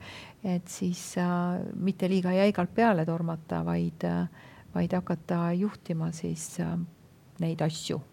et midagi, midagi tuleb ära teha, jah. ta vajab neid piire, on ju. Et need piirid oleks nagu toestustalad äh,, mitte nagu piirangud. et ta on nagu turvavöö, mitte ahelad. jah väga hea mõte. pange kirja et äh, nii, järgmine. kuidas saan suunata oma kahekümne ühe aastast poega, kes lõigub end ja ei taha probleemiga tegeleda? minu ema käed ei ulatu mitte kuhugile tema aitamiseks. On suhtes tüdrukuga, tüdrukuga, kes provotseerib ja see suhe pole terve. aga kes oma ema kuulab? tean ennast oma nooruse ajast, olin ju, olin ju samuti mässaja. no kakskümmend üks on ikkagi täiskasvanu ja ega siia, sinna tõesti täiskasvanu eh, ellu enam, kes on juba suhtes ja, ja paari suhtes, eh, ilmselt see ema sekkuda ei saa, et äh, ta võib väljendada oma muret ja selle suhtes, et ta lõigub, aga, aga ta ei saa anda enam konkreetseid instruktsioone, on minu arvamus mm. -hmm. et mõni asi peab jääma äh, selle kahekümne ühe aastase enda hooleks mm. -hmm. siis on küsimus söömishäirete kohta. et olen kakskümmend viis ja anoreksia algas üheteist, kaheteistaastaselt praeguseks olen saanud juba paar aastat stabiilselt elada ja olen tugevam kui minu haigus, kuid kuulen siiani, mis meie noortega toimub ja kui populaarsed on söömishäired. see paneb mind tundma hirmu. olen ka kuulnud, et haiglatel pole piisavalt ressurssi aidata noori psühholoogiliselt. mida teha? kuidas saan mina ja ka iga teine meie noori aidata? tunnen, et haiglaravi jääb vajaka ning see teeb kurvaks. kust saavad lapsed abi, tuge, kellel on probleeme söömisega ning ka lapsevanemad söömishäired on emotsionaalsed. Igal juhul, psühhosomaatika igal juhul, aga, aga söömine on nüüd üks ainukene asi, mida inimene saab kontrollida ise. et see annab talle kontrollitunde, et, et ilmselt siin on, siin on jälle see, kas on liiga autoritaarsed vanemad olnud või on, või on ta mm, iseendaga ei ole see kontakt hea, ta ei ole oma tunnetega kontaktis ja, ja ta kontrollib elu läbi toitumise, sest et see on tõesti ainuke asi, mida ta lõpuks saab mm -hmm. kontrollida, vot nagu väike laps, panen suu kinni ja ei teegi ampseks. et, et ja seal on see paradoksaalne selline pöördvõrdelisus tekib, et, et ja sealt ta saab ka võib-olla tähelepanu, võib-olla saab armastuse, et, et ta vajab abi äh,, lausa meditsiinilist, võib-olla anorektik on juba seal voolikute küljes, eks.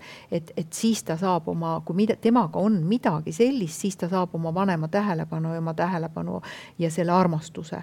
et, et see, see on, see on tõsine teema ja, ja igal juhul tasub äh, tasub siin seda psühholoogiliselt vaadata, et kõik haigused on psühhosomaatilised ja, ja see toitumishäired on minu meelest ka väga-vägagi psühho-, noh, psüühikaga seotud.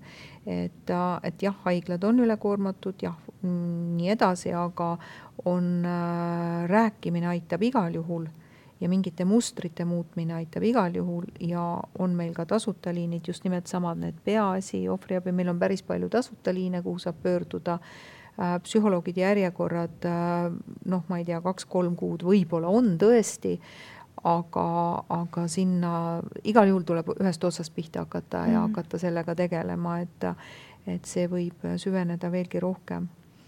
et, et, et sinna taha küll ei saa asi jääda, et abi ei ole saada, et on küll, kindlasti on, toitumisnõustajaid on, kõike on, et päris nii ei ole, et ei saa ma saan aru, et see inimene küsis, et ta ei küsinudki endale abi, vaid, vaid ta... üleüldine mure oli, et noored ja, ei saa ja, abi mm, -hmm. saab küll, kui sellega hakata tegelema, et, et see on psüühiline probleem, siin tuleb tegeleda psühholoogil. et noh, et ühelt poolt on see psühholoogiline või mõnikord ka psühhiaatriline abi mm, -hmm. aga no ka küsida nõu toitumisnõustajalt, et need mm -hmm. kaks asja peaks paralleelselt käima ja noh, Tartus on spetsiaalne Abromedi kliinik, kus tegeldakse ainult söömishäiretega enamuses. ja on siis mitmeid uusi teraapia liike, näiteks skeemiteraapia, mis tegeleb ainult, kus on päris head efekti söömishäiretega inimestele, et, et tasuks neid asju uurida. üks mhm. nimi, mis ma välja toon, on Aigi Vahing. Ta on ise kõik rängal moel läbi teinud, ma olen ta loengus ise olnud ka. ta räägib hästi lihtsalt ja, ja ta on hästi soe inimene, et ma mhm. arvan, et sealt võib abi saada mm. -hmm. ja kui see inimene, kes nüüd äh, siin saates selle küsimuse õhku viskas, on ise need asjad üle tein-, läbi teinud, et miks mitte proovida ise saada kogemusnõustajaks, et, et pakkuda oma abi eh, teistele mm -hmm. noortele mm. -hmm siin jagatakse ka niimoodi, et minu arust oleks aeg hakata pöörama tähelepanu õpilaste koormuse peale. õpilastel on suurem koormus kui täiskasvanutel.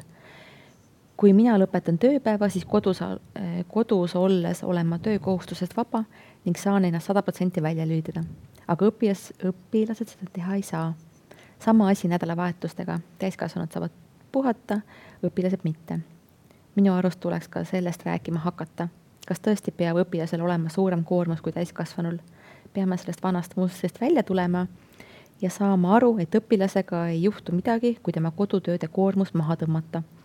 usun, et selline liigne, selline liig-, liigitus tooks nii mõnelegi õpilasele õpihimu tagasi ja vähendab äh, kõvasti vaimset stressi jumala õige jutt, aga sellest on ka räägitud, aga mitte midagi väga palju ei ole tehtud. et igale õpetajale on tema aine kõige tähtsam ja koolides ei toimu ka koostööd selles mõttes, et äh, on ju teada, kui raske tohib olla lapse seljakott, kui palju kontrolltöösid tuleb, äh, tuleb ära teha.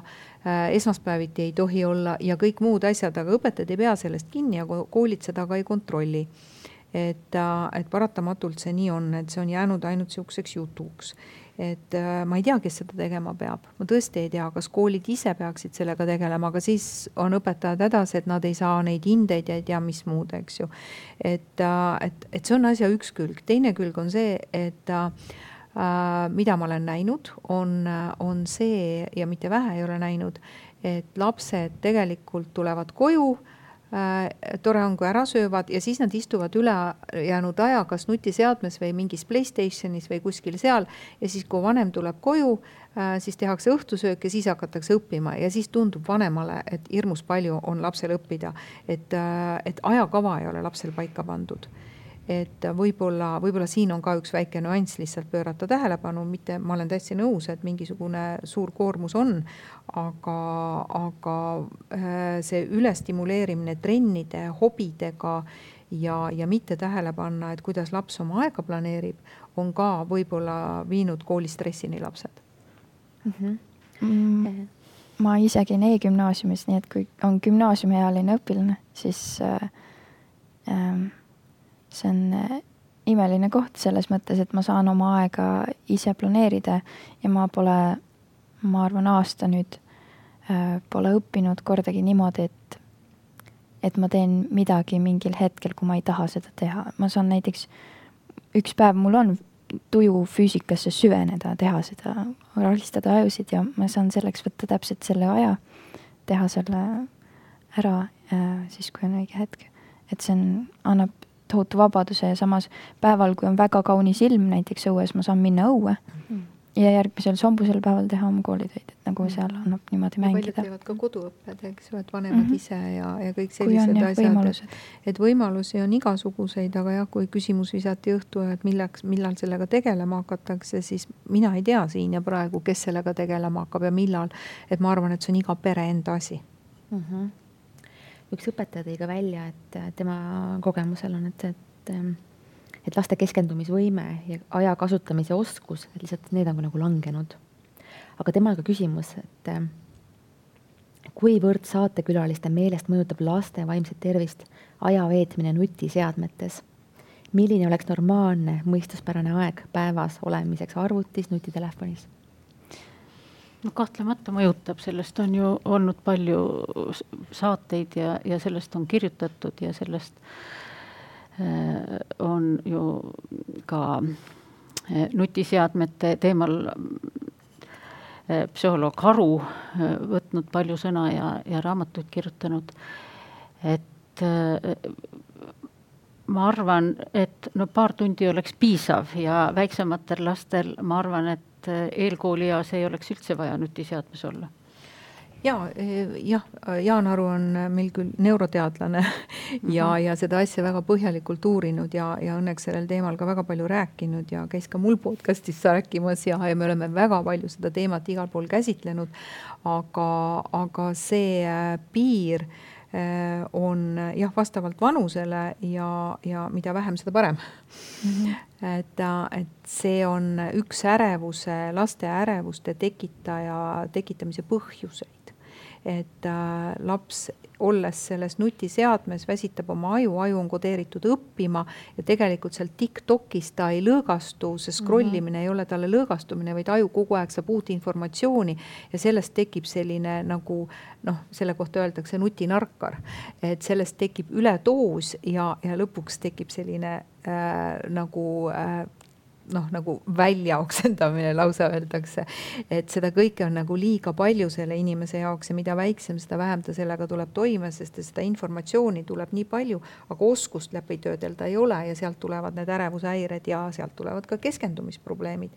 et sel teemal võib tõesti siin, me võime sellest lõputult rääkida ja ja, ja kooli keskendumis, koolis keskendumisvõime on väga palju seotud just nimelt nutiseadmetega mm. -hmm. et äh, ma ei tea, paljudel koolidel on need piirangud peal äh,, on äh, nutialad on koolis, ei lubata välja võtta, ma käin ise hästi palju koolides lastega rääkimas ja, ja õpetajatega rääkimas.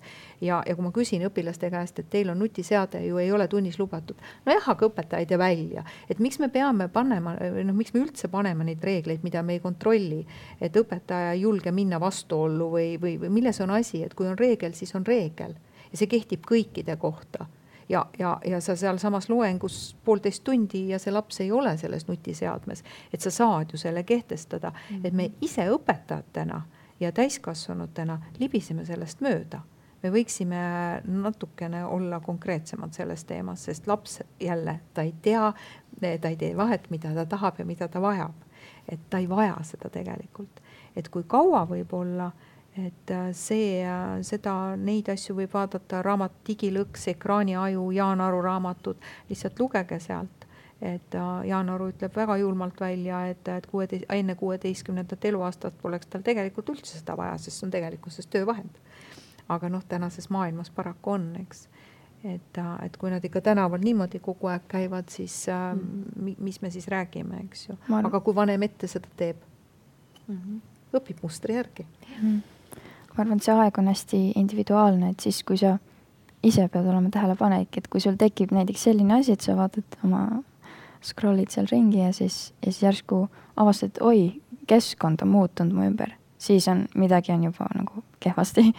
et kui su fookus kaob sinna nii ära mm, -hmm. et sa eraldud nagu reaalsusest, siis. jah ka mina näiteks praegu tunnen seda, et ma vaatan siin chatis küsimusi, eh, neid eh, vestlusi, mis siin on ja ma ei saa olla sada protsenti praegu teiega mm, -hmm. kuigi ma tahaks olla mm. -hmm. et nii raske on seda teha mm -hmm. ka mhm. nagu sellisel kujul no mõtle, mõtle nüüd selle lapse peale, kes saab koolis vahetunnis olla seal telefonis, talle lubatakse seda koolis mm -hmm. millegipärast on see lubatud, siis tal läheb viisteist minutit selleks, tund on nelikümmend viis minutit, viisteist minutit läheb selleks, et üldse tulla sellesse ruumi mm. -hmm. ta on ju oma mõtetega seal telefonis mm, -hmm. siis viisteist minutit heal juhul ta keskendub seal ruumis ja siis hakkab juba kella vaatama, millal vahetund tuleks mm, -hmm. et saaks jälle poistega midagi seal teha, eks ju.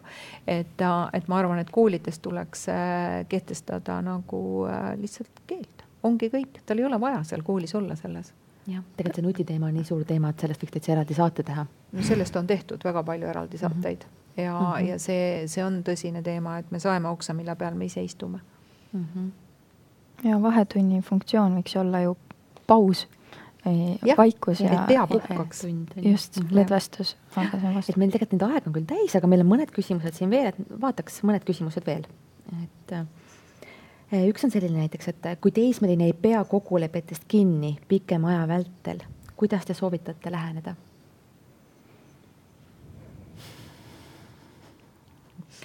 elus on loomulikud eh, tagajärjed. ma vastaksin niimoodi ühe lausega sellele, et noor inimene peab õppima, et igal asjal on elus tagajärg ja mina läheks sinna tagasi, et kus ta seda õppis. Et see on tulnud selle mustri järgi, et, et näiteks kui me oleme väikese lapsega olnud mänguväljakul ja ütleme talle, et sa võid kolm korda alla lasta, et siis me peaksime minema koju süüa tegema. ja siis ta hakkab kauplema ja ma annan järgi või ma ei pane üldse tähelegi istun seal ise seal nutitelefonis, räägin sõbrannaga, mida iganes ja ta on juba seal mingi kakskümmend korda alla lasknud. ja, ja, ja siis ma ütlen oh,, vihastan, nüüd lähme minema, eks ju. ehk ma ise annan ju sellega eeskuju, et minu sõnad ei maksa mitte midagi mm. -hmm. et kui on kolm korda ja ta palub ühe korra, siis äh, okei okay,, me jõuame veel ühe korra, aga siis me lähme. Et see konkreetsus on mul endal jäänud ära et siis ähm, vaatame kõigepealt peeglisse, minu meelest kogu see teismelise iga on see, kus tõmmatakse vanematel peegli eest kate ära, paks must kate ja vaata nüüd peeglisse, palun. siin ma olen mm. -hmm aga ma tahan öelda, et äh, mingid asjad on ju ka lihtsalt piiride katsetamised, et ta peabki proovima neid piire ületada. et, äh, et jällegi kokkulepped, mahaistumised ja sellele järgnevad siis loomulikud tagajärjed, et. et tegelikult peab ikka ise eeskujuks ka olema turvaline keskkond, need õppetunnid kätte saada on ju kodus, et näiteks noh, tehagi mingeid selliseid asju, et usaldad oma lapsele näiteks kuu raha ja ütled, et noh, endale väikse nagu varu ikka jätad, võib-olla arvestab juba homseks ära, võib-olla hommikuks süüa, eks ole. aga et sa teed mingeid selliseid asju, et sa usaldad teda täiesti, et ta saab selle õppetunnist, muidu ta läheb tänavale ja saab selle sealt. see on jälle üks asi, mida Sadhguru välja tõi ja minu arust see on väga hästi sõnastatud mm. -hmm. nii, meil on siin mõned küsimused veel, tegelikult on päris palju, ma arvan, me vist kõike ei jõua küsida, aga laps ei suuda hommikul tõusta, et kooli minna. õhtul üritab minna varem magama, aga ei tule und samuti liikumine aitaks und tekitada, aga lapsel sotsiaalne ärevus ja ei suuda kuhugi avalikku kohta üksi minna veel vähem trenni. rattaga üksi sõita ei taha. ei oska midagi talle välja pakkuda, lõputu nõiaring. kas rohud aitaks või mis? no tõesti, iga juhtum on erinev, et meie siin vastame niimoodi ühe-kahe lausega ka nendele eelnevatele küsimustele, et, et palju nendest, nendele saaks vastata, teades seda üldisemat konteksti, aga kui sel lapsel on sotsiaalärevus ja sellepärast ei saa minna, miks mitte siis vanemaga kasvõi õhtul minna kepikõndi tegema või mm -hmm. koos kõndima, et, et vanem kaasata. aga loomulikult, kui tal on sotsiaalärevus, siis tuleks sellega laiemalt tegeleda siiski mm. -hmm. et see küsimus oli otseselt liikumise kohta mm. -hmm. kuhu saan pöörduda, kui õpetaja kiusab last? Ja näen, et laps on endast väljas. no lastekaitse on kohustatud sellega tegelema. kooli juhtkonna poole, aga tihti on koolidel ka ringkaitse. kahjuks, seda ma näen küll oma töös. et aga kooli juhtkonna poole tuleb küll pöörduda, et, et see ringkaitse on see, et nad teavad küll, et, et on selline õpetaja, kes, kes kipub kiusama lapsi, aga neil ei ole kedagi asemele võtta ja nad pigem siis lepivad, et õpetajate kaadrit on vähe. et äh, haridusamet ja lastekaitse mm. -hmm kahtlustan lapsel sotsiaalset ärevushäiret. kas seda on võimalik ametlikult diagnoosida ja milline on ravi ning kuidas saab ar saada aru, et ravi aitab? sotsiaalärevust saab diagnoosida loomulikult ja kui me räägime alaealistest, siis esimene raviviis oleks ikkagi psühholoogiline abi, et mitte kiiresti ravimite juurde, aga väga rasketel juhtumitel äh, kui on tegemist teismelistega, siis proovitakse ka äh, ravimeid mm. -hmm. nii ja viimane küsimus. soovitused, kuidas kooliga rääkida, kui laps on vaikne, sotsiaalne, kui laps on vaikne ja on sotsiaalne ärevushäire? huvitav, et täna on nii palju sotsiaalse ärevusega küsimusi et no ikkagi tuleks, et sotsiaalärevusel on ka astmed, et see võib olla selline ärevus, et talle lihtsalt ei meeldi klassi ees vastata, aga sotsiaalärevus võib olla ka see, et laps ei saa enam bussiga sõita, ei saa äh, ühelegi üritusele minna, et äh, kui on koolipsühholoog olemas, võiks alustada koolipsühholoogist kui see on näiteks klassis vastamine või, või sellised probleemid, aga kui need on laiemad, et siis ikkagi kliinilise psühholoogi poole pöörduda sotsiaalset ärevust on tõesti palju ja, ja ilmselt ka neid küsimusi väga palju, et kuigi ma saan aru, et sa noppisid sealt välja, aga sotsiaalne ärevus on väga palju seotud koroona tagajärgedega mm. -hmm aga mis see sotsiaalne äre-, ärevus üldse nagu tähendab, et see on nagu siis suhtlemisega ärevus? no ta jah. et ta kardab sotsiaalseid olukordi, kus ta tunnetab, et tal on mingit tähelepanu mm. -hmm. ja see võib olla ka see e, tema enda tunnetus näiteks, et ta arvab, et bussis sõites või trammis sõites inimesed teda vaatavad, kuigi keegi teda ei vaata mm. -hmm. et noh, see on lihtsustatult niimoodi öeldud. et noh, et kui keegi vaatabki mind, et siis mm, ta vaatab ju minu seda välist asja mm -hmm. või, või kui mina midagi, ma eksin milleski see on ju see, mis jällegi mul on, mitte see ei ole ju mina mm. -hmm. ja seal ongi see lokk sees, et ma pean nagu, et, et ma tegin vea ja nüüd see olengi mina ja, ja kõik nägid seda, see ei ole nii no teismelistel on nagunii see tunne või see tunnetus, et, et mina olen imelik ja kõik vaatavad mhm, mind mm. -hmm. et siis seda enam see võimendub ja nüüd see üksindus, seesama koroona teema ja kõik see, kus seda sotsiaalset suhtlemist ja peegeldust oli vähe, siis see on nüüd võimendunud väga palju seda, et ta ei julge luua sotsiaalseid kontakte, ta ei julge üldse väljagi minna, ta on oma selles mullis, et seal on tal tuttav ja turvaline olla. et, et see tekitab igasugune sotsiaalne suhtlemine, igasugune sotsiaalne keskkond keskkond, ka kaubanduskeskused, kõik muud tekitavad temas ärevust. et see on psühholoogiline teema, kuhu siis tuleb pöörduda psühholoogi poole, et kas siis kliinilise või, või, või ükskõik siis pöörduda tema poole ja hakata vaikselt õpetama talle, et ta mhm. läbi kogemuse saaks aru, et see ei ole talle ohtlik, sest ta mhm. alateadlikult tunneb, et see on talle ohtlik. oh, aitäh küsimuste eest väga ja väga põnev teema arutelu, et ma pärast, kindlasti pärast ka loen ja, ja võib-olla küsin ka teie käest veel mingeid äh, küsimusi või et saame veel kirjutada. aga nüüd äh, loosime välja siis kolmele meie Ecossi uue toote Nooreks, mis on siis äh, spetsiaalselt noortele loodud toet-, toetav kompleks ja täiendav energiaturgutus nii suurenenud vaimse kui ka füüsilise pingutuse korral kuid toode ei ole mitte ainult noortele, vaid sobib kõigile, kes soovivad pingelisel töö või õppeperioodil või suurema kehalise pingutuse korral toetada oma keha ja vaimu. nii, ja kolm õnnelikku, kes siis täna need võitsid, on minu tiimi poolt nimed välja valitud.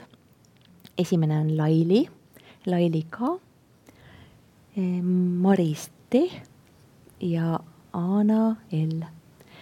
palju õnne teile kõigile, kirjutage mulle kadri.pekko.ecos.com. et see meiliaadress kirjutatakse, kirjutatakse ka sinna chati. ja saatke mulle siis äh, email, kuhu teile kingituse saadame. aga võtame siis kokku meie tänase vestluse. mis võiks olla see, mida siit nüüd meelde jätta? kui oleks üks asi mina ütleks vanematele, et katsuge oma kõhutunnet kasutada, kuidas ma saaksin olla see hea vihmavari oma lapsele. Mm, see oli väga ilus mõte, see vihmavari mõte. Äh, võib-olla lühidalt, et, et seda teismelise iga on kuidagi nagu üle dramatiseeritud või äh, hirmutatud, et see on üks protsess elus ja äh, ja see tuleb läbi teha. ämbrit tuleb ära kolistada, tuleb eksida. noh, praegu eksisid, järgmine kord eksid natuke paremini. et, äh, et lihtsalt julgege see etapp läbi teha ja, ja harige ennast, lihtsalt harige natukene rohkem ennast. saage endast teadlikumaks, saate paremini oma last aidata mm. -hmm. Mm kasvatame teadlikkust ja mm, usaldame mingeid asju, mis võib-olla mõistusele tundub nii ja naa. ja võtame tänuga vastu, mis on kõik, negatiivne ja positiivne, kõik, kõik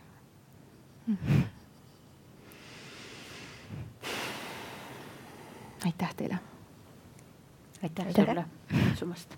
ma loodan, et äh, igaüks leidis siit endale midagi.